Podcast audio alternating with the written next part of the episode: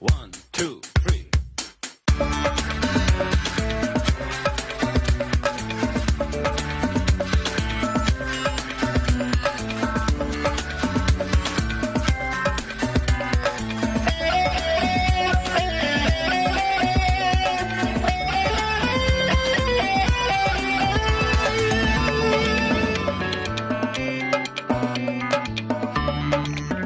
I am Magdalene. I contain multitudes.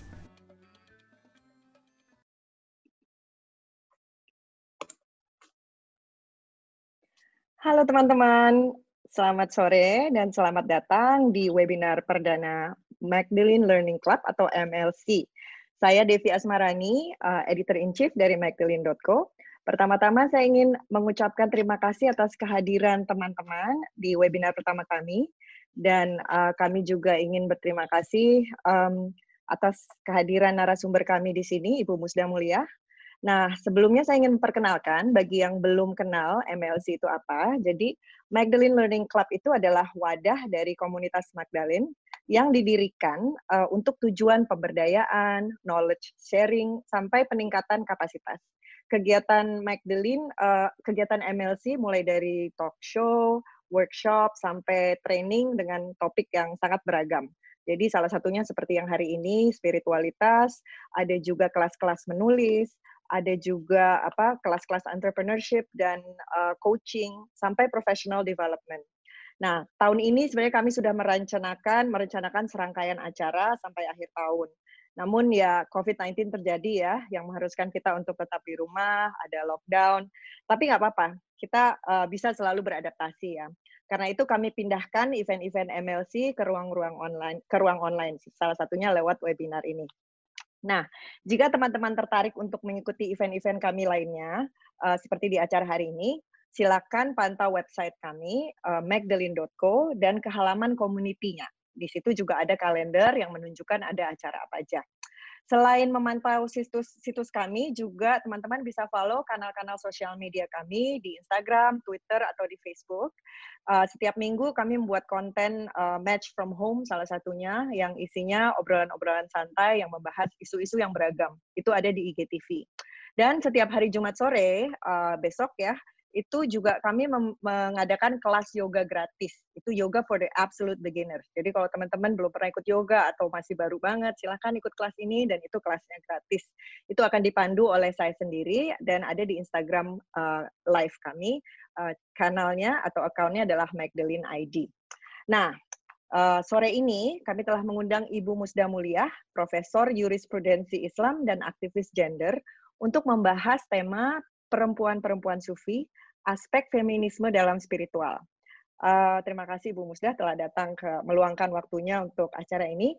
Nah, diskusi ini akan dipandu oleh Managing Editor Hera Diani. Karena itu, tanpa berlama-lama lagi, saya akan serahkan virtual microphone ini kepada Hera, uh, dan teman-teman selamat mengikuti diskusinya. Terima kasih. Terima kasih. Ya, baik. Terima kasih. Selamat sore semuanya. Uh, Dengar suara saya kan ya? Oke. Okay. Uh, selamat sore semuanya. Ter uh, senang sekali. Uh, terima kasih untuk telah hadir untuk mengikuti webinar bersama Magdalene ini. Saya, uh, kami sangat senang dengan antusiasmenya. Tadi yang mendaftar uh, sampai tadi udah sampai 400-an lebih ya. Mudah-mudahan memang semua bisa hadir. Uh, dan jangan lupa jika ada yang punya akun Twitter, jangan lupa untuk membagi tentang acara ini atau kontennya dengan hashtag uh, Women in Islam. Nah, untuk sore ini uh, tema webinar pertama kali Magdalene ini adalah uh, seperti tadi disebutkan perempuan dalam sufisme. Sengaja kami pilih karena selain sedang bulan Ramadan, uh, juga karena kita sekarang ini sedang ada di masa yang sulit ya karena pandemi COVID-19 ini. Kami berasa tema sufisme atau dalam bahasa Arab dikenal juga dengan istilah tasawuf, ini pas karena inti ajarannya menekankan pada penyucian jiwa, menjernihkan akhlak, menjauhi hal-hal yang bersifat duniawi, menekan ego, introspeksi, dan kedekatan spiritual dengan Allah. Uh, karena Magdalene juga media yang fokus pada isu perempuan dan gender, tema ini juga diambil karena uh, sufisme adalah lahan yang subur bagi perempuan. Banyak sekali tokoh perempuan muncul dalam uh, ajaran ini. Yang paling dikenal tentu saja uh, Rabi'ah uh, Al-Adawiyah. Waktu saya remaja dan membaca syair beliau, uh, saya sungguh sangat terpukau. Karena konsep penyerahan dirinya kepada Allah tanpa didasarkan uh, rasa takut pada neraka. Nggak seperti kita gitu ya, kita beribadah kadang takut pada neraka atau keinginan untuk mencapai surga. Nah itu bagi saya sungguh um, indah dan transendental. Nah, apa aja sih yang bisa kita tarik dari sufisme? Mengapa banyak perempuan tertarik pada ajaran sufisme? Dan apa aspek-aspek feminitas dan feminisme dalam spiritualisme sufi ini? Untuk membahasnya, sebentar lagi saya akan undang ahlinya, yaitu uh, idola saya sekaligus sahabat saya, Ibu Musdah Mulia. Mungkin semua sudah pada familiar ya, makanya uh, ingin mengikuti webinar ini. Dan kalau yang belum, jangan percaya dengan yang buruk-buruk yang beredar di internet. Bu Musna adalah akademi Islam yang sangat mumpuni, profesor dalam bidang Islamic Jurisprudence atau fikih Islam.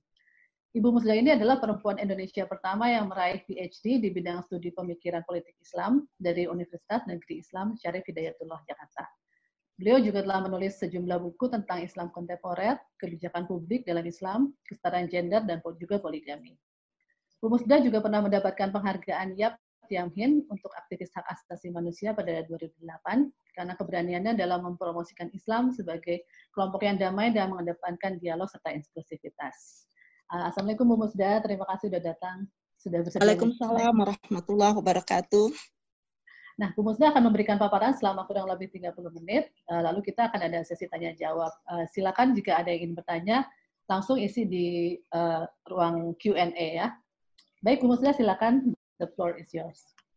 Nah, terima kasih Mbak Hera, terima kasih kepada seluruh uh, uh, stafnya Magdalene ya setelah membuka diskusi dan juga membuka kesempatan belajar seperti ini buat saya sendiri sebuah kesempatan yang luar biasa ya untuk bagaimana kita saling belajar satu sama lain dan ini adalah sebuah kesempatan yang baik buat kita dan uh, saya kira isu yang akan kita bahas ini sebuah isu yang langka ya untuk dibicarakan di masyarakat itu nggak mengenal apa sih itu sufi ya kira-kira kayak gitu. Jadi saya pikir mudah-mudahan kita semua diberkati Allah Subhanahu wa taala dan kita semua mendapatkan manfaat dari uh, kegiatan ini. Bismillahirrahmanirrahim. Assalamualaikum warahmatullahi wabarakatuh. Alhamdulillahirabbil alamin wassalatu wassalamu ala asyrafil anbiya'i wal mursalin wa ala alihi wa sahbihi wa man tabi'ahum bi ihsan ila yaumiddin. Pertama-tama saya ingin menjelaskan kenapa sih muncul apa yang disebut dengan sufi. Ya, sufi itu uh, orangnya. Lalu jalan menuju sufi itulah yang disebut dengan tasawuf. Kemudian uh, pahamnya atau seluruh aspek yang berkaitan dengan sufi itu dalam bahasa Inggris biasa disebut dengan sufisme.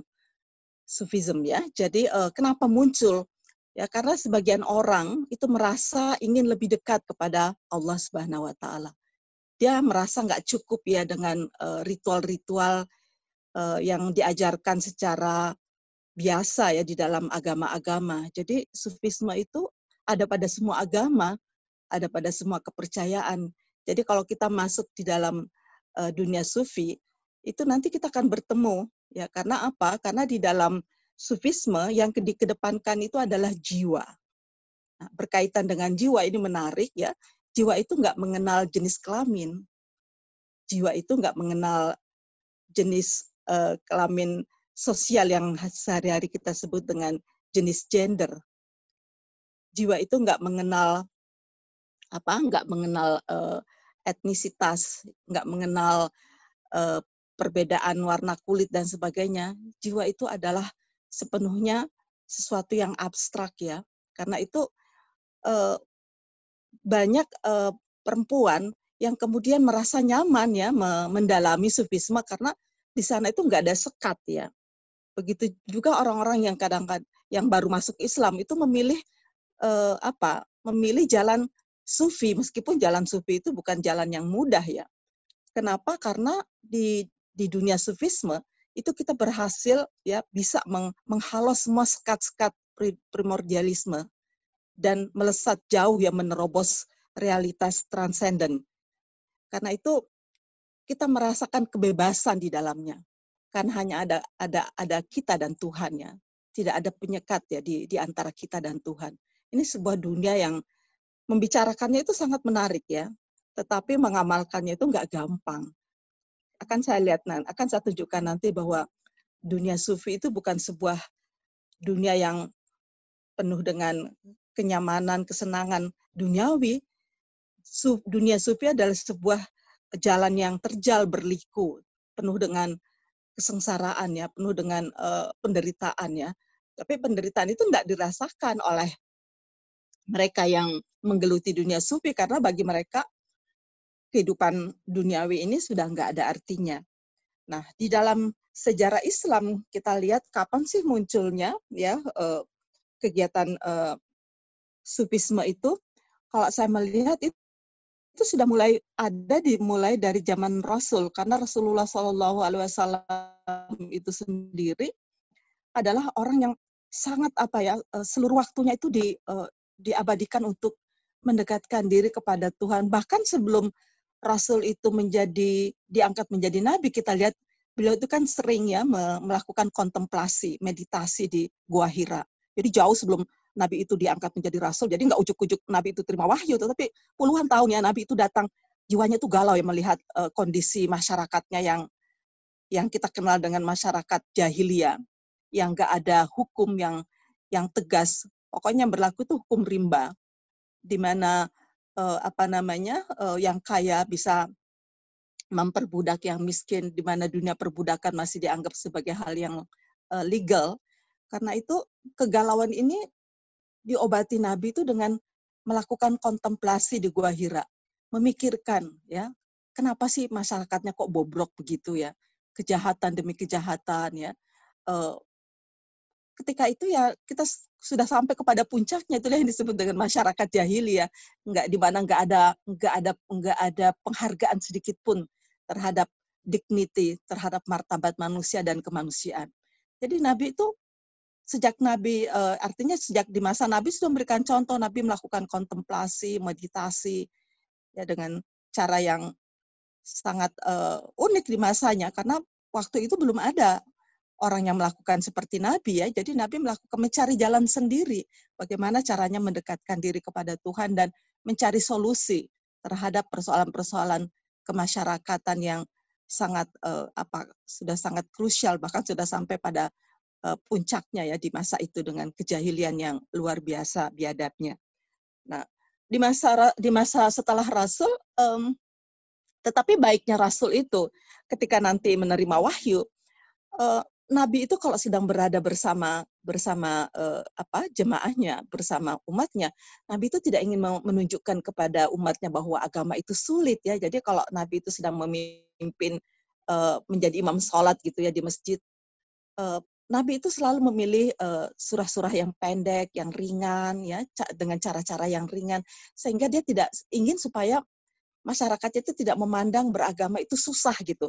Tetapi kalau Nabi sedang sendirian, kita mendapatkan info ini dari berbagai riwayatnya Aisyah dan tentu saja riwayat Aisyah menurut saya itu sangat valid karena Aisyah itu hidup bersama Rasulullah saya kalau di, dihadapkan pada dua hadis ya, misalnya hadis Abu Hurairah dan hadis Aisyah, saya tentu memilih hadisnya Aisyah karena dia lebih tahu kan seperti apa kondisi Rasulullah sehari-hari di malam-malam yang hening ya, di malam-malam yang gelap di masa itu kan. Jadi Rasulullah uh, Aisyah mengatakan kalau malam Rasulullah itu bangun sholat itu membaca bukan hanya satu surah ya, bayangkan kadang-kadang sampai tiga surah nyambung loh, kira-kira berapa jam ya dia berdiri sampai kaki kakinya itu bengkak ya sedemikian rupa ya cara. Tetapi di di tengah-tengah seperti kalau kita melihat dengan kacamata biasa yang dilakukan orang-orang itu kan seperti seperti sebuah penyiksaan diri, tetapi buat buat mereka itu dia merasakan kelezatan kelezatan batin yang luar biasa yang tidak tidak bisa digambarkan dengan kata-kata. Nah, ini dia ya. Jadi sejak mulai dari zaman Rasul, lalu pada zaman sahabat Nabi itu dikenal beberapa sahabat seperti Abdullah bin Umar Ya Abdul bin Umar itu sahabat yang paling rajin berpuasa, paling rajin ya sampai-sampai Nabi mengatakan eh kamu jangan sebegitu sebegitunya loh kamu juga punya hak ya. Jadi badanmu itu punya hak matamu juga punya hak untuk tidur badanmu punya hak untuk istirahat. Jadi seperti itu. Jadi Nabi juga tidak menginginkan kita hidup asketis selalu kita melupakan ya tanggung jawab kita sebagai uh, manusia uh, di bumi ini. Karena itu saya pikir perlu ada keseimbangan dalam uh, kehidupan uh, apa kehidupan uh, di dunia.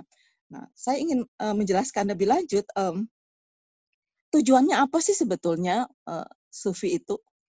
Sufi atau tasawuf tasawuf itu jalannya. Nah di dalam uh, jalannya ini nanti muncul apa yang disebut dengan tarekat. Tarekat tarekat itu adalah sebuah sistem yang uh, di dalamnya itu ada organisasi karena di, di sana ada syekh yang menuntun lalu ada sistem ritual ya, sistem wirid dan sebagainya. Tetapi lama kelamaan saya melihat tarekat ini lebih lebih mengedepankan organisasinya, lebih mengedepankan simbol-simbolnya. Nggak bedanya seperti uh, agama. Agama pada pada kenyataannya dalam kehidupan realitas kita ya sudah menjadi semacamnya organisasi, lebih mengedepankan simbol-simbol di mana di dalamnya itu ada hierarki, ada sekat. Kadang-kadang saya pikir loh, kenapa jadi seperti ini ya? Padahal intisari agama itu adalah mendekatkan diri kepada Allah di mana di dalamnya itu nggak ada sekat apa pun. Nah, kalau kita ber, apa namanya, ber, bersibuk diri di dalam uh, kehidupan keagamaan dalam konteks kehidupan nyata di masyarakat kita, itu di mana sebagai perempuan kita tuh nggak merasa nyaman ya, karena selalu ada sekat di antara kita, ya, laki dan perempuan. Perempuan itu biasanya ditempatkan di tempat-tempat yang nggak nyaman. Karena itu saya baru saja kembali dari Banten, mampir di sebuah masjid, eh nggak taunya tempat sholat perempuan itu cuma di emperannya ya tempatnya panas ya nggak ada nggak ada apa itu namanya nggak ada kipas angin sedikit pun. Sementara tempatnya laki-laki itu dingin sejuk ya luas. Dalam hati saya kok bisa ya manusia membuat sekat-sekat dalam kaitannya berkomunikasi dengan Tuhan? Apa mereka nggak takut ya kepada Tuhan? Nah dalam konteks ini mari kita melihat dunia sufi itu seperti apa ya. Sufi atau uh, apa uh, jalan tasawuf itu mengajarkan kita bahwa Tuhan itu sangat dekat ya. Kamu nggak perlu jarak ya untuk berada dekat dengan Tuhan. Apa apa ini ada landasannya dalam Islam? Oh ada. Misalnya ya di dalam surah Al-Baqarah 186 itu dikatakan ya. Wa iza sa'alaka ibadi anni fa inni qarib da'watad da'i iza da'ani jika hamba-hambaku bertanya padamu tentang diriku, aku itu adalah dekat sekali. Ya, aku mengabulkan seruan orang-orang yang memanggil namaku. Jadi bahkan dalam banyak hadis dikatakan Tuhan itu lebih dekat dari apa itu dari uh, nadi leher kita. Jadi dekat sekali. Karena itu kalau kita mencari Tuhan di tempat uh, dengan cara yang apa dengan uh, apa dengan cara yang menjauhkan diri kita apa itu dengan cara-cara yang yang yang sulit ya menurut saya itu juga satu hal yang uh, keliru karena Tuhan itu ada di dalam diri kita. Nah, tinggal bagaimana kita mensucikan jiwa kita. Karena sebagai makhluk manusia itu terdiri aspek jasmani dan rohani. Nah kebanyakan kita ya terus terang ya kebanyakan kita termasuk saya sendiri itu selalu sibuk dengan urusan jasmani kita. Nah, puasa ini salah satu upaya bagaimana kamu itu coba deh sibuk dengan urusan rohani kamu, urusan jiwa kamu. Jadi rohani ini sesuatu yang penting kita apa ya, kita perbaiki keadaannya. Kita harus selalu berkomunikasi dengan jiwa kita. Sebenarnya kamu itu siapa? Untuk apa kamu ada? Dan setelah ini kamu akan ke mana? Apa yang setelah kamu sumbangkan ya untuk kehidupan bersama, baik dalam kehidupan keluarga maupun dalam kehidupan bermasa, bermasyarakat. Jadi harus kita selalu tanya jiwa itu. Karena kalau tidak, kita akan tumbuh dengan apa ya spiritualitas yang kosong. Nah, inilah uh, uh, gunanya dunia spiritual itu juga kita kita kembangkan ya di dalam di dalam kehidupan kita bersama karena bukan hanya kita menge, menge, apa, mengembangkan uh, aspek emosional kita, intelektualitas kita, tapi juga spiritualitas kita ini juga perlu dikembangkan. Nah, pengembangannya itu adalah nanti ini melalui jalan jalan-jalan sufi. Bagaimana caranya? Ya, apakah apakah uh, ada jalan yang harus ditempuh oleh seorang sufi? Oh, tentu saja di dalam banyak uh, buku-buku sufi yang saya baca, itu ada yang disebut dengan makam ya. Makam itu jalan-jalan yang harus ditempuh oleh seseorang yang ingin mendekatkan diri kepada Tuhan beberapa beberapa buku sufi itu menjelaskan eh, jalan-jalan uh, yang ditempuh itu uh, berbeda-beda antara satu sufi dengan sufi yang lain. Tetapi pada umumnya paling tidak ada enam, ya ada enam makam yang harus ditempuh oleh seseorang untuk uh, dalam konteks pendekatan diri kepada Tuhan untuk sampai kepada puncak ya puncak penyatuan diri kepada Tuhan. Karena kalau saya melihat dalam tradisi sufi itu mereka puncaknya itu nanti adalah bagaimana dia merasa diri dekat sekali ya kepada Tuhan sehingga nggak ada lagi jarak. Uh, pertama itu makam yang umumnya di, di apa diajarkan di dunia sufi itu adalah makam taubat. Kita bertobat betul-betul bertobat. Kenapa? Karena kita ini adalah manusia yang di dalam diri kita itu juga bukan hanya jiwa atau ruh, tetapi juga ada nafsu. Ini loh bedanya kita dengan malaikat. Kalau malaikat itu bisa sepenuhnya patuh kepada Tuhan, itu karena dia nggak punya nafsu di dalam dirinya. Jadi ya amanlah dia ya, nggak ada nggak ada yang menggoda-goda. Kalau kita ya nafsu mata, nafsu pikiran, ya nafsu syahwat, ya nafsu segala sehari itu banyak macam-macam ya nafsu yang datang silih berganti menggoda kita ya. Jadi ini godaan internal dalam diri kita ini luar biasa. Nafsu itu dan yang paling menarik kalau kita mendefinisikan nafsu, nafsu itu senangnya instan ya. Dia nggak suka yang yang susah-susah, yang payah-payah. Kalau kita bisa mendapatkan harta melalui cara korupsi, kenapa kita mesti bersusah payah? Kira-kira kayak gitu nafsu tuh.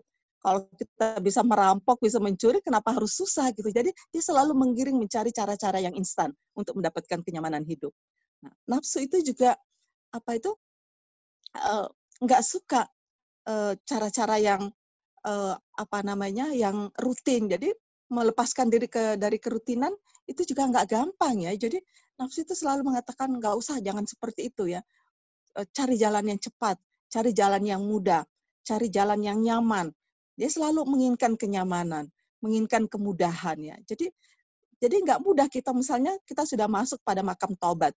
Jadi dalam uh, dunia sufi yang saya baca ada orang yang sampai puluhan tahun ya untuk selesai untuk bisa menyelesaikan makam tobat itu. Karena godaannya berat sekali. Tapi ada juga orang yang hanya setahun itu bisa selesai satu makam. Satu level itu selesai dia. Tobatnya itu udah selesai.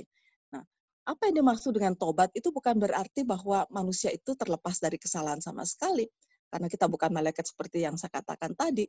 Tetapi Anda sadar setiap kali Anda melakukan kesalahan, Anda lalu tersadar oh ya, ini tadi kesalahan, ini kekeliruan, saya harus melakukan sesuatu, saya harus minta maaf ya kalau itu kesalahan itu kepada seseorang. Kalau itu kepada Tuhan, Anda harus bertaubat ya dengan jalannya. Istighfar, Anda ber, berpuasa berkomitmen untuk tidak melakukannya. Tobat itu kembali, kembali untuk berkomitmen untuk tidak tidak tidak melakukan pelanggaran kira-kira seperti itu. Jadi makam tobat ini nggak mudah ya. Bertobat itu bukan hanya sekedar diucapkan loh ya. Bahwa kemudian tingkatan kedua ada yang disebut dengan zuhud. Zuhud itu adalah eh, kira-kira di dalam bahasa kita itu adalah menghindari untuk tidak menjadi hedonis ya. Karena nggak mudah juga sih di dalam godaan sehari-hari ini kita harus kita dihadapkan pada pilihan oh kalau kamu tidak mengikuti uh, apa namanya norma yang ada di masyarakat apalagi kalau kita sudah masuk di dalam grup-grup apa gitu di mana orang ber apa ya uh, mempertanyakan merek dan sebagainya wah kita ini sudah bingung ya gimana ya kita ini orang yang nggak punya nggak nggak nggak apa ya tidak tertarik dengan hal-hal seperti itu. Jadi kalau menurut saya zuhud itu bukan sama sekali anda meninggalkan uh, aktivitas dunia. Bahkan menurut saya justru anda harus terjang dalam kehidupan dunia meng, menghadapi kehidupan dunia yang penuh dengan godaan. Tetapi anda bisa tetap ya uh, tetap tidak tidak ternoda dengan godaan-godaan itu. Jadi misalnya sebagai aktivis kalau anda ingin zuhud bukan berarti Anda me, apa pergi ke hutan sana menyendiri, wah itu sih melepaskan diri dari godaan kan. Tetapi Anda terjun ke tengah-tengah masyarakat menyampaikan, ya memang berat menyampaikan kebenaran, ya menjadi uh, aktivis anti korupsi misalnya di dunia yang penuh dengan korupsi itu kan nggak mudah menjadi uh, aktivis yang anti kekerasan di tengah dunia yang serba me, apa ya mengedepankan kekeras bahkan dianggap kekerasan itu bagian dari uh, cara mendidik. Wah gimana ya menghadapi yang seperti tapi buat saya ya itulah itulah perjuangannya ya itulah jihadnya kira-kira seperti itu. Karena itu jihad buat saya itu bukannya menyendiri dan berapa ya uh, menghindarkan uh, apa namanya masalah, tapi buat saya adalah terjang di tengah-tengah masalah, tetapi kemukakan berani mengemukakan kebenarannya. Lalu yang ketiga tingkat uh, berikut itu adalah sabar. Nah, sabar ini yang sering kali disalahpahami di dalam masyarakat kita. Sabar dalam masyarakat kita itu lebih banyak dimaknai sebagai uh, bentuk statis, ya diam, pasrah. Bukan itu, sabar itu justru menunjukkan makna yang dinamis. Kalau Anda sabar berarti Anda mau dong berjuang untuk uh, membangun sebuah apa perbaikan di masyarakat, sebuah upaya-upaya transformatif. Kalau Anda bersabar, berarti sabar itu Anda ber, apa, ber, bersiap diri untuk menghadapi semua risiko yang dihadapi dalam perjuangan atau berjihad di masyarakat. Karena itu menurut saya sabar itu bukan hal yang gampang. Kita harus memiliki ilmu ya untuk menghadapi, memiliki wawasan, memiliki uh, apa uh, bukan hanya uh, wawasan tapi juga keberanian, courage, ya brave ya. Jadi kita harus berani menghadapi, berani menyatakan kebenaran di tengah-tengah masyarakat yang tidak suka menerima kebenaran. Lalu eh, tahapan berikutnya itu ada yang disebut dengan tawakal. Tawakal itu sehari-hari dikatakan berpasrah, tapi yang dikatakan berpasrah di sini adalah setelah seluruh upaya itu sudah kamu lakukan, baru kemudian kamu berpasrah. Yang namanya tawakal itu begini ya, contohnya Nabi mencontohkan. Jadi ada ada ada seorang sahabat ya eh, membawa untahnya, lalu Nabi mengatakan sebelum sholat, apakah kamu tadi sudah mengikat untamu? Terus mengatakan, e, belum ya Rasul, saya tawakal aja kepada Allah. Rasul mengatakan, loh kamu itu bukan bertawakal, kamu itu tidak bertanggung jawab. Kamu ikat sanat uh, unta kamu. Setelah kamu ikat dengan baik dan kamu pastikan ikatannya kuat, barulah kamu bertawakal kepada Allah. Jadi tawakal itu harus dimulai dengan usaha yang betul-betul uh, apa betul-betul maksimal ya, seoptimal mungkin setelah semua upaya kita lakukan, barulah kita mengatakan ya saya tawakal kepada Allah ya, segalanya saya sudah lakukan untuk hasilnya ya saya berpasrah kepada Allah. Ya begitu mesti yang kita ajarkan kepada anak-anak kita tentang tawakal ketika dia akan mengikuti ujian. Jadi bukan hanya berdoa, ya istighosah gitu ya. Lalu pokoknya yang penting kamu istighosah nanti terserah kepada Allah. No ya, kalau kadang-kadang saya suka berpikir, andai kata saya Tuhan yang menghadapi umat yang kayak gini, saya pasti akan mengatakan, aduh kamu cari deh Tuhan yang lain, saya capek jadi Tuhan kamu, sedikit-sedikit terserah kepada Allah. Sedikit-sedikit terserah kepada Allah. Jadi semua apa yang saya berikan kepada kamu berupa panca indera, berupa kekuatan, berupa pikiran, itu gunanya untuk apa kira-kira? Ya enggak? Jadi jadi jangan sedikit-sedikit terserah kepada Allah. Yang dimaksud tawakal itu setelah kamu berupaya semaksimal mungkin, seoptimal mungkin. Semua cara sudah kamu lakukan. Setelah itu kamu baru berpasrah, bertawakal nama, namanya. Nah, itu ya. Jadi jangan salah kaprah.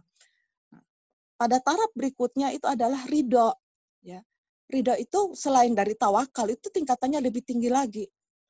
Kita sudah mempasrahkan semua daya upaya kita. Kita sudah melakukan upaya-upaya rohani mendekatkan diri kepada Allah. Kita melakukan uh, sholat, apa pokoknya dalam agama terserah ya. Kalau dalam agama yang lain mungkin tidak sholat, mungkin ada cara-cara yang lain dalam pendekatan diri kepada Tuhan. Semua cara itu sudah kita gapai, sudah kita usahakan. Lalu ujungnya ya kita hanya mengharapkan ridha Allah. Dan menarik loh ketika kita bicara tentang ridha Allah. Ini ada yang menarik uh, dari uh, uh, sufi perempuan, tapi saya belum belum jelaskan uh, siapa dia ya, tapi seorang sufi perempuan ketika ditanya, kamu akan ke mana? Ya, ya. Dia mengatakan, uh, saya akan pergi uh, apa ke Baitullah ya ke ke Mekah.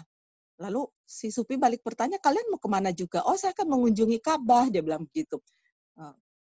Lalu si orang-orang banyak ini bertanya kembali, apa kalian apa kamu juga akan mengunjungi Ka'bah? Lalu sang sufi berkata, oh enggak, saya enggak tertarik mengunjungi Ka'bah, tapi saya tertarik mengunjungi pemiliknya.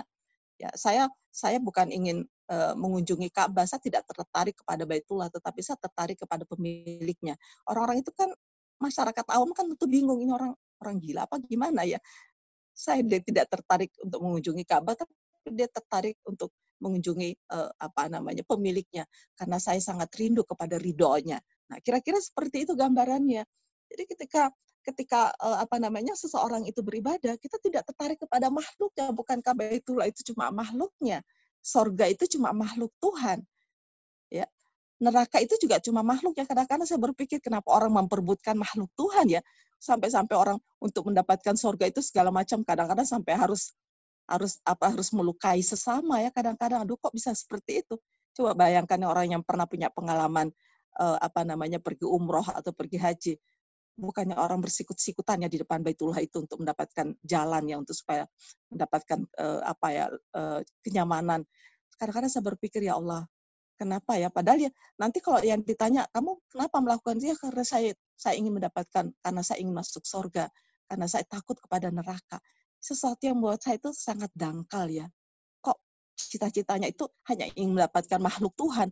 Kalau saya ya mendapatkan ridha Allah. Bukankah itu sesuatu yang sangat tinggi di dalam kehidupan kita? Kalau Allah itu sudah ridha, ya nggak ada lagi. Apakah ada yang lebih tinggi dari keridaan Allah? Ya. Nah, di dalam uh, tahapan supi yang lain, uh, uh, ridha itu diganti dengan magfirah. Magfirah itu uh, ampunan Tuhan. Jadi dia mengatakan, sufi lain mengatakan, ya yang paling tinggi martabatnya itu adalah ampunan Tuhan. Bukankah seluruh hidup kita ini adalah semata untuk mendapatkan magfirahnya. Ya karena itu salah satu doa di dalam apa itu di dalam uh, bulan puasa ini ya yang selalu dibaca menjelang uh, apa namanya menjelang uh, buka puasa Allahumma innaka afuwun tuhibul afwa fa'fu anna ya karim ya bagaimana doa itu selalu diajarkan bahwa yang sebenarnya yang kita kita inginkan itu hanyalah magfirah Tuhan jadi ada yang sufi yang lain mengatakan itu adalah mah, makam makam uh, ridho itu ada adalah uh, yang tertinggi setelah tawakal tapi ada juga mengatakan itu makam magri, uh, ma, apa namanya magfirah ampunan Tuhan. Nah, uh, tahapan yang tertinggi ya uh, di dalam uh, apa buku-buku sufi tentang makam itu adalah makam cinta, mahabbah. Ya karena kalau sudah kepada cinta Tuhan, ya udah nggak ada lagi cinta Tuhan itulah yang yang paling tinggi posisinya.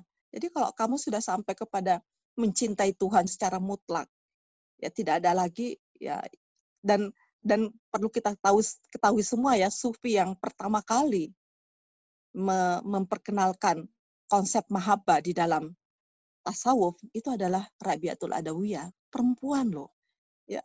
Karena itu saya pikir bahwa di dunia spiritual. Nah, inilah mengapa nanti kenapa uh, apa dunia spiritual ini sangat dekat dengan eh, aspek-aspek uh, feminin. Kenapa di dalam apa kita ingin mengatakan apa sih unsur-unsur feminisme di dalam spiritualitas? Ya karena tadi adalah bahwa spiritualitas itu adalah mengedepankan jiwa dan jiwa itu tidak mengenal jenis kelamin, tidak mengenal jenis gender, tidak mengenal apa pun, ya dia adalah mutlak sesuatu yang abstrak, hanya Allah yang tahu. Tidak punya jenis kelamin apa pun, dia seperti Tuhan. Karena itu ketika jiwa-jiwa ini bertemu, nggak ada nggak ada sekat ya. Jadi jadi dalam kondisi seperti ini nggak ada nggak ada lagi istilah haram seperti dalam dalam dunia fikih sedikit-sedikit haram, sedikit-sedikit haram. Jadi kalau saya membaca eh, cerita-cerita sufi di mana para sufi perempuan dan sufi laki-laki itu bisa ber, apa berdiskusi sepanjang malam sampai pagi ya. Wah kalau ini di dunia fikih mereka pasti dituduh berhalwat ya. Dan itu pasti sudah digerbek sama polisi syariah ya. Nah ini yang ini yang bedanya. Kalau di dalam sufi itu tidak karena apa? Yang ber, berdiskusi dan ber apa itu berdebat atau berbincang itu adalah jiwa-jiwa. Inilah yang di dalam Al-Quran itu selalu disebut ya ayuhan Ya ayat Tuhan nafsul mutmainnah, irji'i ila rabbiki radiyatan mardiya. Fadakhuli fi ibadi, wadakhuli jannati. Jadi Tuhan saja memanggil ya, memanggil jiwa-jiwa yang mutmainnah, jiwa-jiwa yang damai, jiwa-jiwa yang tenang yang sudah sampai kepada makamnya itu dengan panggilan yang feminin. Ya ayat Tuhan nafsul mutmainnah, irji'i ya karena bahasa Arab itu sangat seksis jadi kelihatan sekali kapan dia menggunakan uh, apa itu ranah uh, feminin, kapan dia menggunakan ranah maskulin. Jadi selalu dipanggil dengan dengan apa itu ranah feminin. Irji'i ila rabbiki. Kembalilah kepada Tuhanmu. Ya, radiatan mardia. Semuanya. Jadi ayat ini semuanya menggunakan uh, apa namanya? Uh, menggunakan unsur-unsur feminin, bukan unsur maskulin. Ya karena terus terang saja ketika kita melakukan pendekatan diri kepada Tuhan, coba diperhatikan. Semua bentuk pendekatan diri kepada Tuhan dalam agama mana pun itu selalu menggunakan uh, apa namanya unsur-unsur uh, apa feminin. Ya justru feminitas kita yang kita kedepankan. Kualitas feminitas feminim kita yang yang kita tonjolkan ya bukan maskulinitas kita.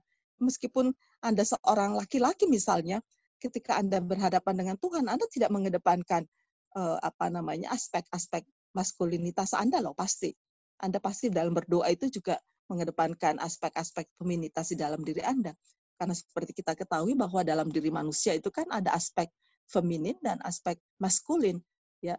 Nah, seharusnya sebagai manusia yang yang beradab ya, kita harus menyeimbangkan ya tumbuhnya aspek feminin dan maskulin itu secara bersamaan.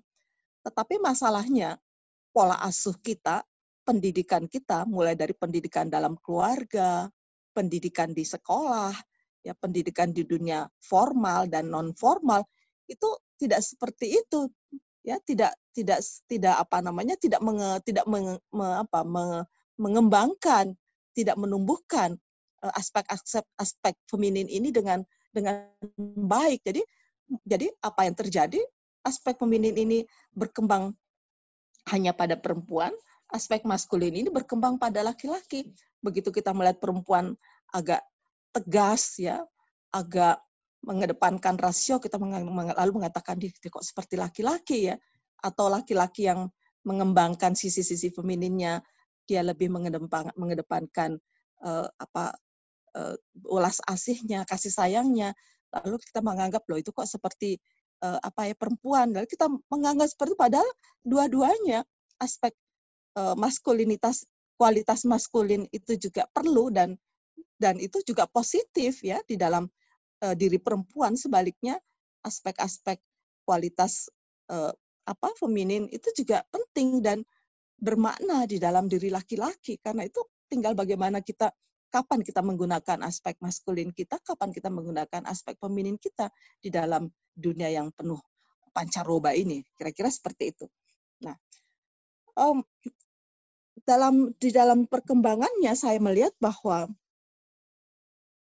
begitu terjalnya ya jalan sufi karena jalan sufi itu jalan yang saya katakan di awal jalan yang terjal berliku seperti lorong sempit ya gelap dan tidak tidak banyak uh, apa tidak ada tidak ada hura-hura di sana sunyi ya tetapi buat uh, banyak orang inilah jalan yang paling menjanjikan di dalam kehidupan uh, kehidupan uh, apa kehidupan uh, duniawi yang yang sangat penuh dengan tantangan. Karena itu menurut saya ya penting sekali bagaimana kita me, mengembangkan ya aspek ruhani ya di dalam diri kita sehingga dia berkembang dengan baik. Bukan hanya kita mengurusi aspek-aspek jasmania, tetapi juga aspek rohania ini bisa kita kembangkan secara bersama. Seperti tadi ada banyak jalan ya. Tentu saja jalan itu tidak mudah, tetapi kalau kita mau mencobanya, pasti ada pasti ada cara ya untuk menemukannya. Karena dalam banyak ayat juga dikatakan berusahalah, berusahalah. Tuhan itu tidak ingin bukannya kesempurnaan yang dikendaki oleh Tuhan, tetapi hanya ada dua ya yang dikendaki oleh Tuhan pada diri manusia. Apakah kamu punya niat yang tulus dan apakah kamu punya kesungguhan? Ya karena ujungnya itu cuma Tuhan yang dapat menilai dari semua amalan-amalan kita. Karena itu sekali lagi saya selalu apa ya, selalu mengingatkan kepada kita sesama manusia, sesama makhluk, jangan pernah kalian itu mengambil posisi Tuhan. Apa itu posisi Tuhan? Melakukan judgment, penilaian terhadap orang lain. Oh no, Tuhan tidak pernah memberikan mandat ya kepada siapa pun, termasuk kepada Rasul.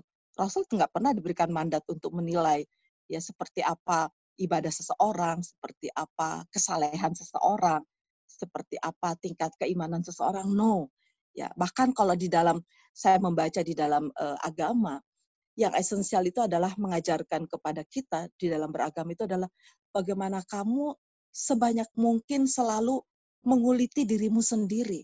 Kamu mempertanyakan dirimu itu seperti apa. Ya, jangan mempertanyakan orang lain karena karena itu tidak tidak patut ya. Kamu bukan Tuhan. Jadi kamu pertanya, kamu mem, apa mempertanyakan dirimu sendiri, apa yang sudah kamu lakukan, sejauh mana yang sudah kamu lakukan, apa manfaatmu kepada sesama, ya kira-kira seperti itu.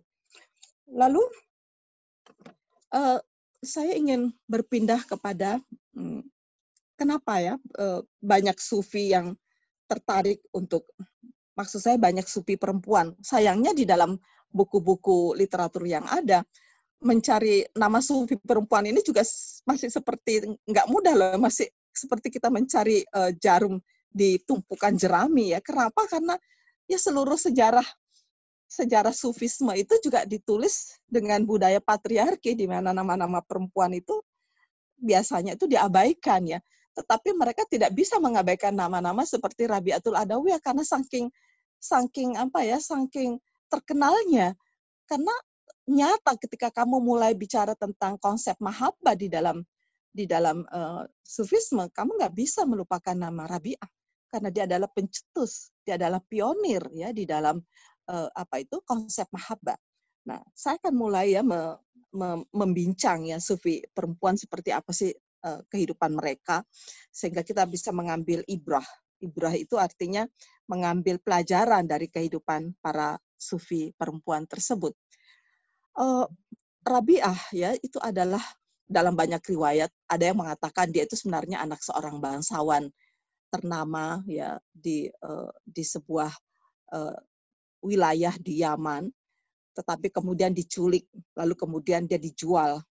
Ya waktu itu kan masih masih zaman perbudakan dijual menjadi budak pada se sebuah uh, katakanlah sebuah rumah bordil. Nah di sana dia dipekerjakan sebagai penyanyi. Nah, karena dia memiliki suara yang suara yang merdu rumah itu kok rumah bordil itu menjadi menjadi sangat terkenal karena orang semua datang untuk mendengarkan nyanyian nyanyian uh, apa namanya nyanyian si Rabia yang sangat merdu itu. Suatu hari Rabia bertemu ya dengan seorang perempuan yang konon kabarnya dia adalah seorang sufi dan mengajarkan kepadanya tentang hakikat, tentang makrifat ya, tentang tentang kehidupan lain ya dari kehidupan duniawi ini. Nah, dari situ dia tergerak hatinya. Lalu apa yang dilakukan oleh Rabia? Uh, dia masih dalam posisi sebagai budak ya yang yang dimiliki oleh seorang pemilik rumah bordil. Lalu setiap malam setelah dia menunaikan tugasnya di rumah bordil itu, dia tidak pergi istirahat. Rabiah lalu berwudhu dan melaksanakan sholat sepanjang malam. Dan yang dia minta di dalam sholatnya itu adalah dia hanya bermunajat kepada Tuhan, ya Tuhan, aku ini perempuan yang hina, ya perempuan yang penuh dosa. Bisa enggak ya engkau memberikan saya jalan supaya saya dapat memelukmu, dapat berdekatan denganmu, karena aku merasa bahwa hanya engkau yang patut kucintai, tidak ada yang lain. Jadi hanya itu doanya. Jadi sangat uh, apa ya kalau dilihat sepintas doanya sederhana sekali, hanya ingin mencintai Tuhan ya, supaya dia diberikan jalan bagaimana caranya mendekatkan diri kepada Tuhan. Nah, berbulan-bulan ya Rabia melakukan itu sampai suatu ketika, satu malam, ruangannya itu penuh dengan cahaya dan majikannya itu melihat dengan penuh ketajuban. Dia juga merasa semacam ada semacam ketakutan ya. Besok harinya lalu beliau uh, apa namanya majikannya itu me, me, membebaskan dia. Nah sejak itu dia terbebaslah dari kungkungan hidup uh, apa yang penuh dengan dosa dan dia mulai mulai mengikuti guru sufinya ini ke apa sayangnya guru sufinya tidak tidak terkenal ya karena dia tidak memiliki uh, murid-murid yang yang kemudian membukukan buku-bukunya dan sebagainya, membukukan bukan buku-bukunya, tapi membukukan uh, uh, penuturannya atau uh, ajaran-ajarannya seperti murid-murid Rabi'ah. Nah, uh, apa yang dia mulai uh, dimulai dilakukan oleh Rabi'ah? Dia mulai mulai memikirkan bagaimana caranya mencintai Tuhan secara mutlak. Hanya itu saja pikirannya bagaimana supaya dia tidak lagi mencintai apa pun kecuali mencintai Tuhan. Karena dia yakin betul hanya Tuhan yang patut dicintai, tidak ada yang lain. Tidak ada tempat ya buat makhluk Tuhan. Karena itu ketika ketika dia ditanya suatu ketika oleh uh, sahabat-sahabatnya para sufi, dia mengatakan, "Ya Rabi, apakah masih ada tempat di relung hatimu untuk mencintai manusia?" Ya, ketika ada juga yang dalam banyak uh, riwayat dia dilamar oleh sesama sufi, ya oleh Hasan Basri, oleh yang lain ya, dia mengatakan, bagaimana saya akan menerima, menerima lamaranmu, bagaimana saya akan bisa membagi cinta denganmu, karena seluruh lerung, relung hati saya ini sudah penuh dengan cinta kepada Tuhan. Saya mohon maaf kepadamu. Ya. Jadi ini menarik ya. Beberapa syair beberapa syair cinta uh, apa Rabia itu itu kalau saya baca tuh itu kedalamannya itu luar biasa ya sampai saya tuh senang membacanya itu di tengah-tengah uh, malam di keheningan malam ketika saya sedang galau kalau dengan banyak persoalan-persoalan biasalah kita menghadapi banyak persoalan dalam kehidupan kita saya membaca Misalnya ya ini ada satu uh, saya selalu senang membaca ini. Aku mengenal cinta sejak aku mengenal cintamu. Hatiku telah terkunci bagi selainmu. Aku selalu siap mendesahkan namamu, wahai Tuhan. Seluruh rahasia-rahasia setiap hati. Sedang aku yang tak bisa menatap wajahmu. Aku mencintaimu dengan dua cinta cinta karena hasrat diriku kepadamu, dan cinta karena hanya engkau yang patut dicinta. Dengan cinta hasrat aku selalu sibuk menjemput nabamu. Dengan cinta karena dirimu saja dan tidak yang lain, karena cintamu adalah mutlak. Itu karena aku berharap engkau buka tirai wajahmu, biar aku bisa menatap wajahmu seluruhnya, sepenuhnya. Tak ada sembah dan puji bagi siapa pun, Seluruh sembah dan puji hanya kepadamu, ya Allah. Karena cintaku adalah mutlak untukmu. Saya itu mohon maaf ya, karena kadang-kala saya nggak bisa nggak bisa be, menjaga apa me, me, apa mengendalikan uh, rasa penas rasa ini ya rasa apa rasa uh, emosi saya ya ketika saya membaca uh, apa ini apa uh, uh, membaca puisi-puisi Rabia itu dalam sekali. Lalu pertanyaannya, cinta itu apa sih? Ya, pertanyaan kok, emang cinta itu apa gitu ya? Kadang-kadang mahasiswa saya juga suka bertanya seperti itu. Lalu saya hanya menyampaikan definisi yang disampaikan oleh Mahmud Gurab, ini seorang uh, penulis puisi yang sangat terkenal di Mesir. Dia mengatakan,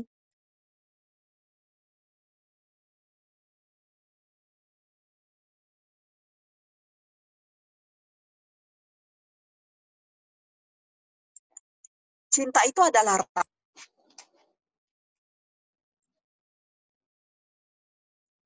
Halo. Halo Ibu ya. Tadi barusan sempat hilang. Iya masih Bu. Sekarang kedengeran lagi. Ya. Bu. Sedikit. Jadi menurut Mahmud Gurab, apa sih definisi cinta? Itu kan banyak yang penasaran. Cinta itu adalah rasa. Kau tak akan paham hakikatnya. Cinta adalah sesuatu yang sungguh-sungguh menakjubkan. Sungguh menakjubkan. Nah, Rabia di dalam kehidupan saya tidak uh, tidak aktivitas dalam kehidupan masyarakat. No, dia tidak tidak tidak hanya mengurung diri di dalam kamarnya, tidak. Tapi saking saking apa ya, uh, mungkin mengatakan saking sibuknya Rabia itu menyampaikan kepada masyarakat supaya Rabia tuh ingin ingin apa ya uh, melakukan perlawanan terhadap terhadap kelompok agama di masyarakatnya yang yang sangat mengedepankan simbolisme ya, sangat mengedepankan aspek fikih. Jadi di, diriwayatkan dalam banyak uh, banyak buku sufi, Rabia itu seringnya keluar membawa kendi, kendi air dan membawa obor. Lalu apa yang dia lakukan? Dia banyak yang bertanya, Rabia kamu mau ke mana bawa kendi, bawa obor? Saya ingin membakar sorga dan saya ingin mematikan api neraka. Lo maksudnya apa? Rabia berjuang sebetulnya supaya masyarakat itu beragama, itu beragama mencari yang hakiki, jangan mencari yang simbolistik ya. Kenapa? Karena menurut Rabia orang-orang itu kok beragama hanya karena mengharapkan sorga dan hanya karena takut kepada neraka. Karena itu saya mau membakar sorga supaya api neraka itu menyala di sorga dan supaya di neraka itu padam apinya. Supaya orang itu tidak lagi beragama itu hanya mengedepankan simbolisme. Kira-kira seperti itu. Jadi Rabia juga berjuang melawan melawan apa namanya uh, melawan kejumudan di masyarakatnya ya. Jadi jadi dia nggak tinggal diam seperti yang kita bayangkan. Mungkin Rabia itu tinggal diam saja tidak.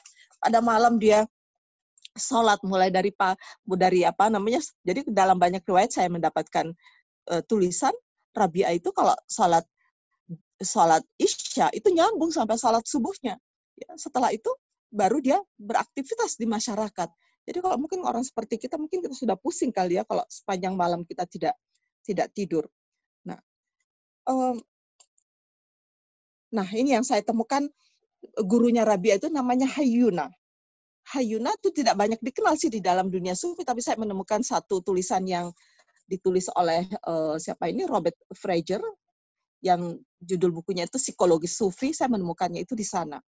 Nah, Hayuna ini pernah menulis sebuah puisi yang Bunyinya sebagai berikut. Wahai kekasihku satu-satunya, engkau yang memberikan kegembiraan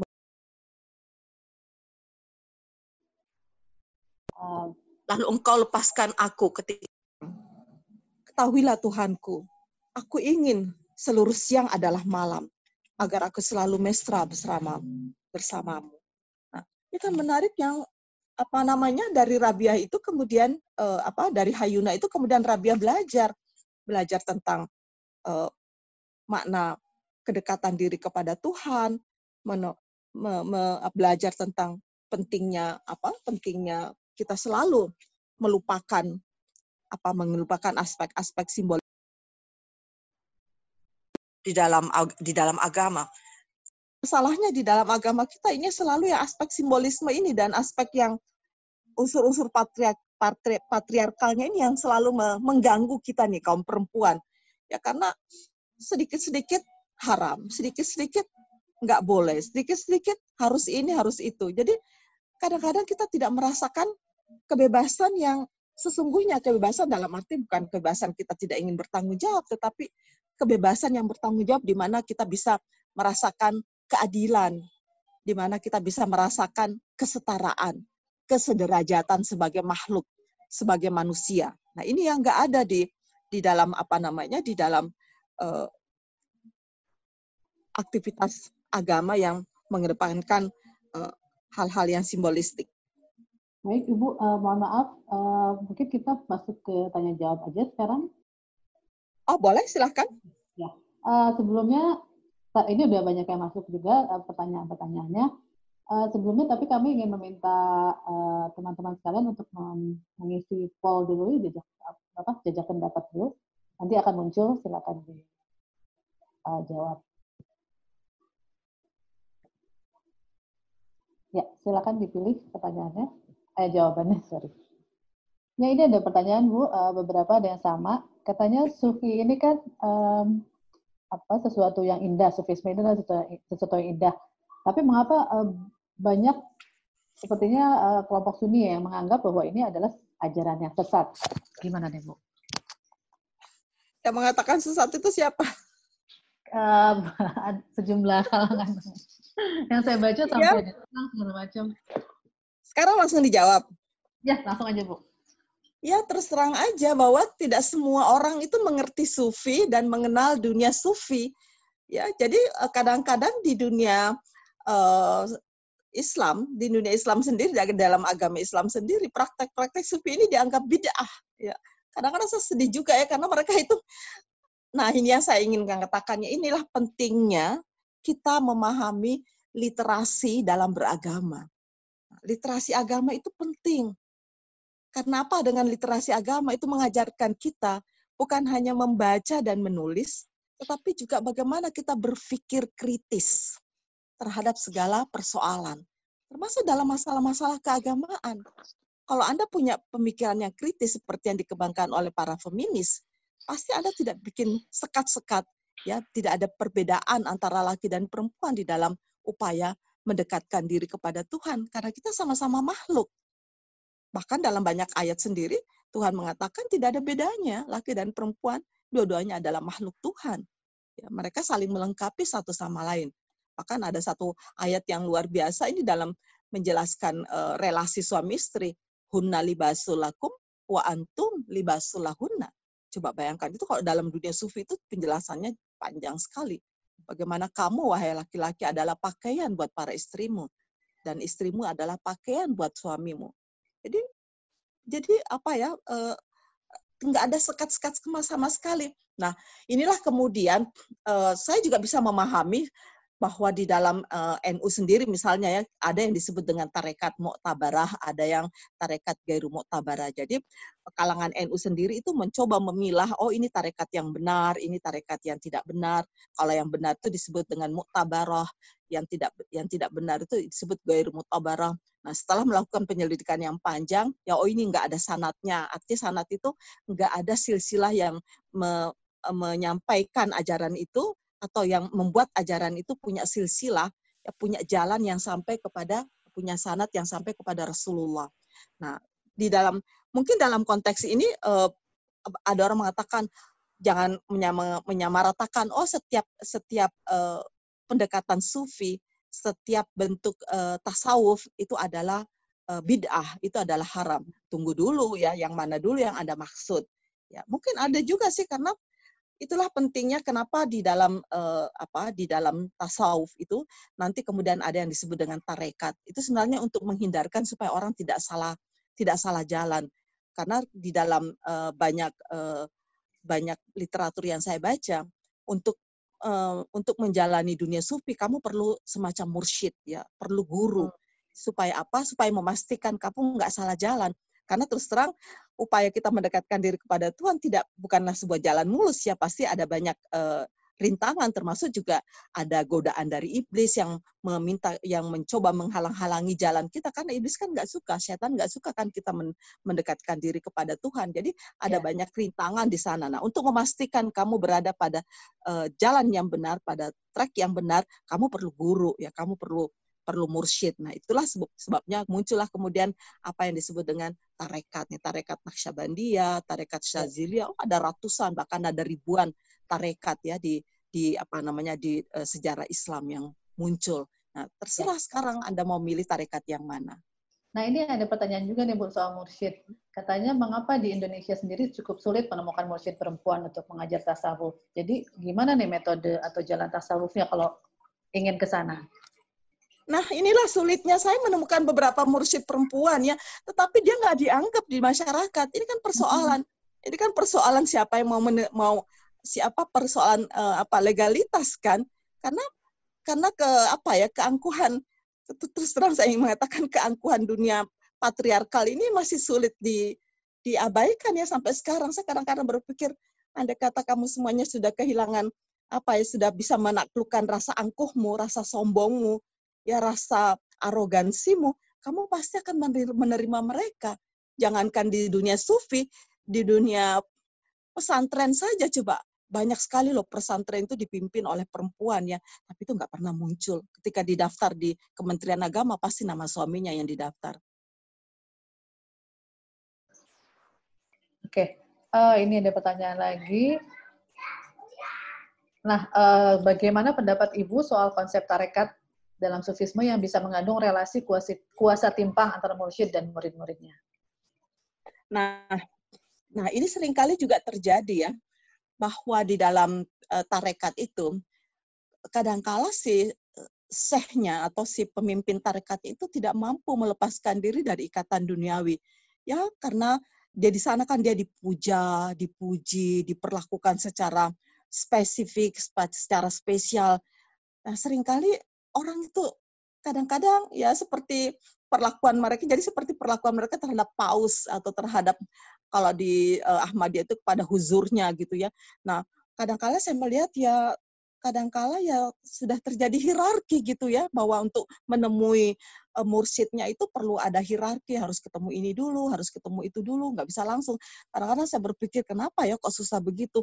Untuk ketemu Allah aja kita bisa langsung. Kenapa melalui ketemu dengan mursyidnya itu kok susah? Nah ini kali kali godaan-godaan itu nggak bisa di nggak bisa di apa ya nggak bisa dihilangkan.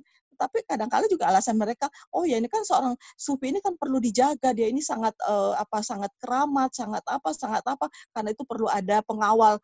Jadi kadang-kala saya pikir, aduh, jadi jadi seperti hierarki di dalam dunia politik ya nggak bisa menghindarkan diri itu juga sih tantangannya nggak memang ya. nggak mudah tapi semuanya serba serba ya, punya betul. tantangan jadi seperti anda seperti seperti anda kalau melihat paus ke mana-mana kan sudah seperti pemimpin politik kan iya Nah, ini paus yang sekarang ini nggak seperti nggak seperti paus yang lain. Dia ya, dia sering kali apa itu nyelenek kan itu saya beberapa kali salaman dengan paus karena dia suka nyelenek keluar dari barisan pengawas apa pengawal dia langsung salamin uh, orang-orang yang ada di dekatnya. Iya memang uh, progresif ya paus yang sekarang. Nah ini Bu, uh, katanya ada yang pernah ikut kelas tasawuf dan pembahasannya semua tentang pemikiran sufi laki-laki yang dibawakan pula oleh laki-laki. Kenapa perempuan-perempuan sufi jarang sekali disebut? Padahal kan tadi Ibu sudah menyebut Ibu para sufi adalah uh, Rabi'ah atau Adawiyah. Dan ya. ada beberapa nama yang saya ingin yang saya ingin katakan ya, misalnya uh, seorang perempuan sufi yang sangat terkenal itu namanya Syahwana. Itu kerjanya itu nangis saja. Padahal kesalahannya tidak ada, tapi dia mengatakan suatu ketika ada ada orang-orang yang menguji dia memandang enteng ya dia si si, si sufi perempuan ini yang namanya Syahwana itu. Dan orang bertanya kepada dia um, buat uh, jelaskan kepada saya hukum apa itu hukum hukum berwudu. Ya orang pikir dia nggak ngerti soal-soal fikih. Lalu Syahwan mengatakan hukum wudu menurut hukum wudu untuk kamu atau hukum wudu untuk saya? Kalau hukum wudu untuk kamu ya pasti seperti biasanya kapan kamu uh, apa ya uh, habis dari kamar mandi, habis kamu keluar angin, ya kamu bersentuhan dengan uh, jenis kelamin yang berbeda, misalnya kan seperti itu kamu wajib berwudu. Tapi kalau buat saya, kalau asal kamu tahu ya, buat saya wajib berwudu itu setiap kali saya melupakan Tuhan. Nah, yang bertanya ini kan jadi jadi shock ya, ternyata tidak seperti yang dia bayangkan. Tapi sayangnya di masyarakat kita ketemu mau menerima sufi aja kalau dia perempuan itu kan aduh jangankan gitu orang-orang orang-orang yang mengerti agama itu sejak segala macam cara dilakukan untuk membunuh karakternya supaya dia tidak muncul dalam panggung sejarah. Dihilangkan namanya. Ya. Itu Rabia itu kenapa namanya muncul? Karena orang nggak bisa nggak nggak ini nggak memunculkan namanya orang. Karena begitu orang menyebut konsep mahabbah, kamu pasti harus menyebut nama Rabi'ah. Ya meskipun nanti konsep konsep mahabbah itu dikembangkan oleh sufi yang lain, Ibnu Arabi, seorang sufi laki-laki di Andalusia, di Spanyol sana pada abad ke-12 dan dia berguru dia mengatakan dalam bukunya dalam bukunya yang berjudul Al-Futuhat ya Al-Makkiyah dalam bukunya dia mengatakan saya belajar sepenuhnya dari uh, apa namanya dari ajaran-ajaran mahabbahnya Rabi'atul Adawiyah. Tapi kan ini ini kan sufi yang jujur, ini orang yang jujur yang mau mengakui bahwa dia belajar dari sufi, sufi perempuan. Tapi kalau tapi kan dalam masyarakat kita begitu disebut sufi pasti bayangannya itu laki-laki ya, seperti ya. ulama mana ada orang menyebut perempuan ulama. Ya. Ayo. Nggak ada kan begitu ulama pasti dia laki-laki dan itu sampai sekarang mungkin sampai kiamat. Sekarang ada kupi bu, yang hidup kupi. Ya, ini Bu ada pertanyaan uh, di dalam sufi itu kan melihat jiwa tidak bergender, tidak ada sekat-sekat, non binary lah katakan. Bagaimana pandangan sufi dengan beberapa surah Al-Qur'an yang menjanjikan uh, bidadari-bidadari yang sepertinya digambarkan seperti perempuan cantik jelita. Jadi seolah-olah surga itu hanya untuk laki-laki. Gimana tuh, Bu? Saya sudah katakan, bagi sufi, dia nggak tertarik dengan sorga. Apa yang dikatakan Rabia setelah munajatnya yang panjang. Ya Allah, kalau aku bermunajat kepadamu, hanya menginginkan sorgamu, maka jauhkanlah sorga itu dariku. Kalau aku bermunajat kepadamu, hanya menginginkan nerakamu, maka ceburkanlah aku ke dalam nerakamu. Karena sesungguhnya aku tidak tertarik pada sorgamu dan tidak takut pada nerakamu. Saya hanya ingin memeluk dirimu dalam keridaan. Coba itu kan dalam sekali. Seperti yang saya katakan di awal, orang-orang yang seperti ini kalau di dalam Al-Quran itu kan karena apa? Kenapa kenapa Al-Quran itu penting ya menyebutkan sorga dengan bidadari? Itu kan untuk memberikan apa ya? Memberikan uh, sugesti kepada masyarakat Arab jahiliyah yang pikirannya itu hanya pikirannya itu ya adalah pikiran-pikiran ya yang saya nggak nggak sampai hati menyebutkannya ya pikiran-pikiran erotis kayak gitu namanya juga masyarakat jahiliyah masyarakat Arab. Karena itu saya selalu mengatakan, jangan tempatkan dirimu seperti masyarakat jahiliyah di mana Al-Quran itu diturunkan. Sedih banget gitu ya. Mestinya kan kita itu sudah melampaui masa kejahilian. Kita tidak tidak tertarik lagi pada sorga dan neraka dan untuk apa ya mendapatkan keridaan Tuhan kita nggak perlu ya nggak perlu kita ditakut-takutin. Jadi nggak perlu lagi. Jadi mestinya ini masyarakat kita sekarang ini ya mestinya nggak perlu lagi ditakut-takutkan dengan ditakut-takuti dengan neraka, ya yang iya. diiming-imingi dengan sorga. Buat saya itu cara beragama jahiliyah. Tahu nggak sih menurut? Menurut saya seperti anak-anak kali bu ya, diiming-imingi. Teman kanak-kanak kata Gus Dur. Iya. Apa sih perlu diiming-imingi kayak gitu? Diiming-imingi dengan sorga kayak diiming-imingi dengan permen gitu ya ditakut-takuti jadi agama ini kayak horor gitu tapi iya. ya buat buat sebagian orang kayak tapi menurut menurut guru saya salah seorang guru saya mengatakan tidak begitu Bu Musda. Sebagai masyarakat itu jiwanya tuh jiwa jahiliyah. Jadi kalau nggak dimingi-mingi bidadari yang bulat matanya cemerlang, itu dia nggak tertarik untuk beribadah. Oh ya, ada tuh orang seperti itu saya katakan. Ya masih banyak di masyarakat kita. Kalau kamu nggak nggak percaya silahkan kamu datang ke masyarakat ini dia bikin dia dia tunjukkan kepada saya tapi saya tidak mengatakan mereka masyarakat ini kalau nggak di nggak diiming-imingi dengan bidadari mereka nggak percaya dan mereka tidak tertarik untuk beribadah dan matiku nauzubillah ya mudah-mudahan kita tidak termasuk orang seperti itu. Iya, ini ada pertanyaan dari uh, uh, ini tidak hanya Muslim sepertinya Bu yang ikut di sini. Jadi ada yang mengatakan bahwa saya uh, ateis atau bagaimana jika agama lain bisa nggak menjalani ajaran sufisme ini? Ya buat saya apa pun agamamu mau beragama atau tidak beragama setiap orang bisa mendapatkan jalan pengalaman kepada Tuhan. Karena itu pengalaman kedekatan kepada Tuhan itu sangat uh, unik. Setiap orang itu berbeda. Jadi jangan jangan uh, menganggap sepele ya. Ada orang yang mengatakan, oh saya tuh nggak punya agama. Ya mungkin dia mengatakan tidak beragama, tapi jiwanya rohaninya itu mengatakan sesuatu, dia meyakini sesuatu. Apa namanya kita tidak tahu. Ya biasanya orang seperti ini nggak suka dengan agama formal. Ya kan agama formal itu isinya ya hierarki, isinya apa? Simbolistik. Isinya apa? Organisasi. Isinya apa? Ya ajaran-ajaran yang patriarkal seperti patriarkal seperti bahkan bukan hanya patriarkal, di dalamnya ada feodal ya gitu. Hmm. Akan ada fasis ya di dalamnya. Mengerikan ya. Jadi orang itu nggak mau nggak tertarik lagi dengan dunia seperti itu. Tapi buat saya setiap orang bisa ya mencapai jalannya sendiri-sendiri. Oke. Nah, tadi Ibu juga menyebutkan beberapa hal tentang maskulinitas, femininitas atau ekspresi gender. Eh, ini ada yang bertanya, apakah perempuan dari kelompok eh, LGBT atau perempuan lesbian dan trans dapat juga menempuh jalan sufisme tersebut? Loh, saya katakan semua manusia kan? Manusia. Apa ya? kalian bukan manusia? Jadi jangan jangan berputus asa ya dari rahmat Tuhan.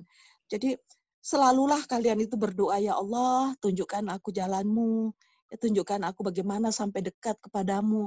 Setiap kita kan punya punya posisi yang sama. Nah, ini loh enaknya loh dunia spiritual. Nggak ada hierarki di dalamnya.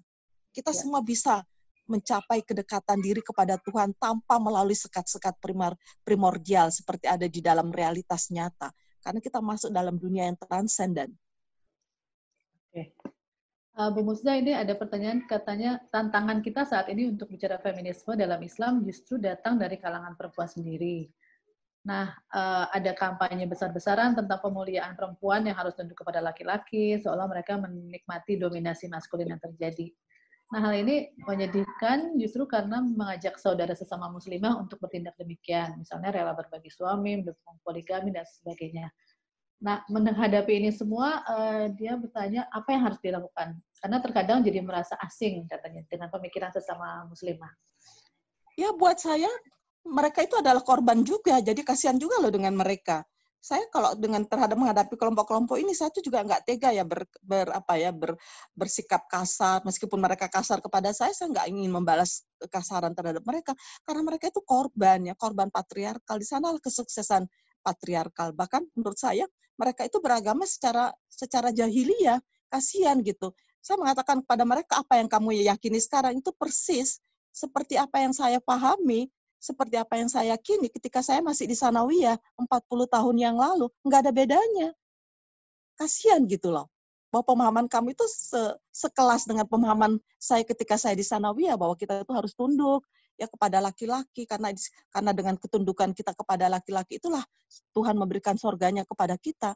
Kasihan juga ya karena untuk mendapatkan surga kalau saya juga sampai sekarang saya udah nggak tertarik pada surga ngapain saya mendambakan makhluk Tuhan Yeah. Saya ingin pemeluk, saya ingin pemiliknya, saya ingin kepada penciptanya bukan kepada makhluk Tuhan. Saya nggak tertarik kepada sesama makhluk. Kasihan juga loh orang-orang seperti itu karena itu mari kita mendoakan mereka ya, tetapi juga kita mengadvokasi mereka, tetap juga harus memberikan kampanye kepada mereka karena ini adalah korban, yang mereka itu korban dari uh, keganasan patriarkal. Hmm, iya betul. Uh, nah ini juga ada yang masih terkait juga, katanya dia terganggu dengan hadis yang mengatakan bahwa malaikat akan melaknat perempuan yang menolak berhubungan dengan suaminya. Apakah hadis itu sahih? Dan bagaimana sebetulnya Islam memandang seksualitas perempuan? Apakah hanya hadir untuk mengakomodasi seksualitas laki-laki? Itu do, itu hadisnya tuh panjang ya memang. Hmm. Um, itu hadis itu selalu saya baca untuk menjelaskan kepada masyarakat jadi bunyi hadis itu gini ya, iza da'a rajulun imra'atahu ila firashihi fa'abat la'anat hal malaika hatta tusbiha. Terjemahan bebasnya, jika seorang suami mengajak istrinya ya ke tempat tidur dan dia menolak, maka dia akan dilaknat oleh malaikat. Ingat ya, dilaknat oleh malaikat. Hatta tusbiha sampai subuh kalau saya membaca hadis itu saya saya anak saya jadikan uh, lelucon aja. Itu kan cuma sampai subuh dilaknatnya malaikat. Jadi kalau sudah lewat jam 4 kan udah nggak subuh lagi kan ya sudah selesai. Apalagi? Kenapa mesti takut banget? Lagian juga yang melaknat kan cuma laki-laki cuma apa namanya cuma malaikat. Apa sih malaikat itu kan makhluk Tuhan setara dengan kita manusia? Kita hmm. sesama makhluk Tuhan apa urusannya kira-kira?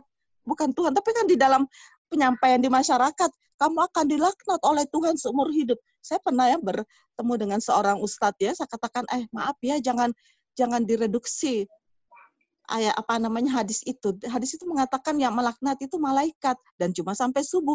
Kamu kok mengatakan, mengatakan yang dilaknat itu oleh Allah? Karena itu sekali lagi literasi beragama ini penting buat kita agar yeah. supaya kita tidak tidak dibodoh-bodohi.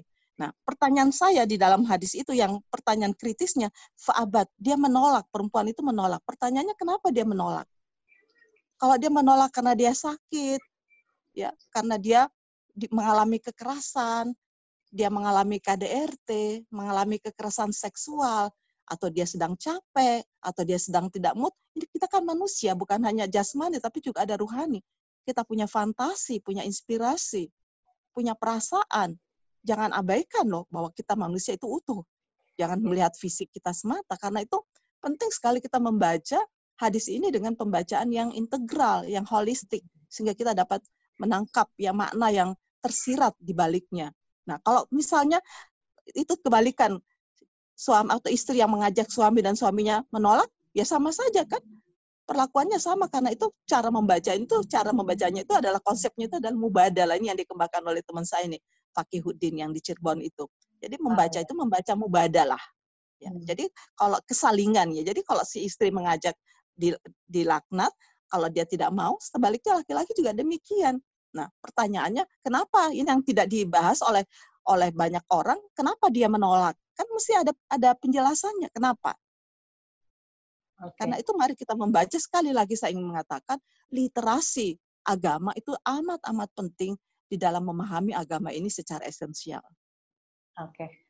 Nah ini Bu, uh, yang ikut sekarang ini dari nggak cuma dari seluruh Indonesia, tapi ada yang dari luar negeri juga Bu, ada dari Melbourne, ada yang dari oh, ya? India. Iya Bu. Oh ya? ya ini ada uh, warga Indonesia yang berdomisili di India. Dia bertanya, dalam sufi sendiri kalau tidak salah katanya ada 10 order. Contohnya Chisti yang cukup berkembang di India, tempat saya berdomisili sekarang. Nah, hmm. sebagai perempuan, order manakah yang paling banyak mengikut perempuannya? Um, saya belum melakukan penelitian tentang itu dan saya juga belum dapat informasi mengenai yang mana yang paling banyak perempuannya. Tetapi setidaknya kalau saya, saya tuh senang membaca uh, apa ya ajaran-ajaran dalam tarekat syataria karena itu lebih apa ya lebih bernuansa feminin ya mungkin juga di India saya tidak tahu uh, uh, apa namanya tarekat apa saja karena tarekat itu orde tarekat ya. apa saja yang berkembang di sana dan apa saja yang mengedepan apa saja yang yang apa namanya yang menonjol dalam ajaran-ajaran tarekat itu mungkin juga dia bisa share kepada kita uh, uh, kenapa misalnya ada orde tertentu yang lebih diminati oleh banyak perempuan mungkin di sana mungkin unsur-unsur feminitasnya lebih uh, lebih kuat ya mungkin ya. Saya kira penting juga sih dia sharing kepada kita semua yang ada di Indonesia. Makasih, makasih banyak ya. atas pertanyaannya. Uh, ini juga ada pertanyaan lagi. Kalau di dalam sufisme itu sebetulnya tidak ada sekat karena perkara jiwa, mengapa patriarki juga bisa masuk? Oh iya, karena laki-laki juga kan yang mengedepankan kan jiwanya. Jadi di dalam dunia sufi, dunia spiritual, yang yang apa namanya yang mengedepan itu adalah jiwa-jiwa kita. Jadi di sanalah bertemu. Jadi ketika Tuhan mengatakan ya ayat Tuhan ya ayat Tuhan ya ayat Tuhan nafsul mutmainnah irji'i ila rabbiki radiyatan mardiyah. Itu Tuhan tidak sedang berbicara kepada perempuan, tetapi berbicara kepada jiwa yang Tuhan itu me memberikan gambaran bahwa jiwa-jiwa yang tenang yang sudah sampai kepada uh, but, apa namanya puncaknya puncak kedekatan diri kepada Tuhan itu adalah dia itu bernuansa feminin. Karena itu hmm. juga Ibnu Arabi mengatakan kalau kamu mempelajari atau uh, apa namanya menggali sifat-sifat Tuhan Asmaul Husna, kamu akan menemukan bahwa lebih dari 70% ya, lebih dari 70% sifat-sifat Tuhan itu lebih bernuansa feminin. Tuhan itu lebih feminin dari apa yang Anda bayangkan. Itu kata Ibnu Arabi loh. Hmm. Ya. Wow, luar biasa Ibu. Ini uh, karena sudah mau buka nih bentar lagi, jadi mungkin satu pertanyaan terakhir aja Bu. Kalau hmm. di setiap makhluk adalah adanya Tuhan di dalamnya, apakah mencintai semua makhluk termasuk bentuk mencintai Tuhan? Oh iya, jadi uh, itu itu adalah sebuah uh, bentuk uh, ajaran yang dikembangkan oleh Al-Halaj ya betul. Al-Halaj. Itu seorang sufi abad ke-10. Jadi dia mengatakan uh, Tuhan itu mengambil mengambil tempat pada semua makhluknya. Jadi kamu bahkan kalau menurut uh, uh, apa namanya Al-Jili itu selain lagi yang uh, sufi yang lain lagi bukan hanya kepada makhluk hidup loh, kepada makhluk uh, kepada benda-benda mati pun kepada pulpen, buku dan sebagainya itu ada tajalli Tuhan di sana. Jadi semua itu adalah adalah Alam apa ya, uh, lingkungan hidup mungkin ya. Ya, jadi transenden apa namanya uh, apa ya uh, penampakan Tuhan di situ karena itu kalau kita menggunakan uh, ajarannya uh, al halaj misalnya dia itu sampai mengatakan anak al-haq saya ini Tuhan gitu karena dia sudah nggak bisa membedakan mana Tuhan dan mana dirinya. Nah, tetapi kan kemudian dalam sejarah kita lihat al halaj itu kan dihukum dihukum pancung ya biasalah sama polisi-polisi syariah gitu. Oh ini sudah murtad dan sebagainya. Dia tidak tahu bahwa ketika al halaj mengatakan anak al haq saya adalah Tuhan itu adalah sebuah proses yang panjang sekali ya, ke sebuah kesadaran yang sangat panjang untuk sampai ke sana sehingga al-halaj itu sampai kepada sebuah kesadaran bahwa tidak ada lagi sekat antara dirinya dan Tuhan. Tetapi kan orang-orang orang-orang uh, syariah ini kan sulit ya menangkap hal-hal yang ruhani seperti itu, hal-hal yang spiritual seperti itu. Karena itu saya meng, me, me, apa ya, uh, me, mengajak kita semua marilah kita di dalam beragama, agama apa pun yang Anda anut, ataupun Anda tidak beragama, bisa nggak ya kita itu lebih lebih mulai sekarang kita lebih mengedepankan aspek-aspek spiritual ya di dalam diri kita. Karena kalau sudah spiritualitas kita yang menonjol, maka kita akan sampai kepada prinsip kesetaraan semua manusia, bahkan semua makhluk. Dan kita akan sampai kepada bahwa semua makhluk harus diperlakukan secara adil dan semua makhluk punya kebebasan untuk dekat kepada Tuhan. Amin. Harus bisa sih Bu ya. Oke, terima kasih banyak Ibu Musda. Aduh sangat insightful. Ini pertanyaannya juga bagus-bagus dan masih banyak sebetulnya, tapi sayang sekali waktunya nggak cukup karena uh, ya sudah akan jam buka. Sekali lagi terima kasih Ibu Musda. Sama-sama ya saya juga merasa bahagia bisa bertemu dengan uh, meskipun di dunia virtual ya dengan teman-teman uh, sekalian.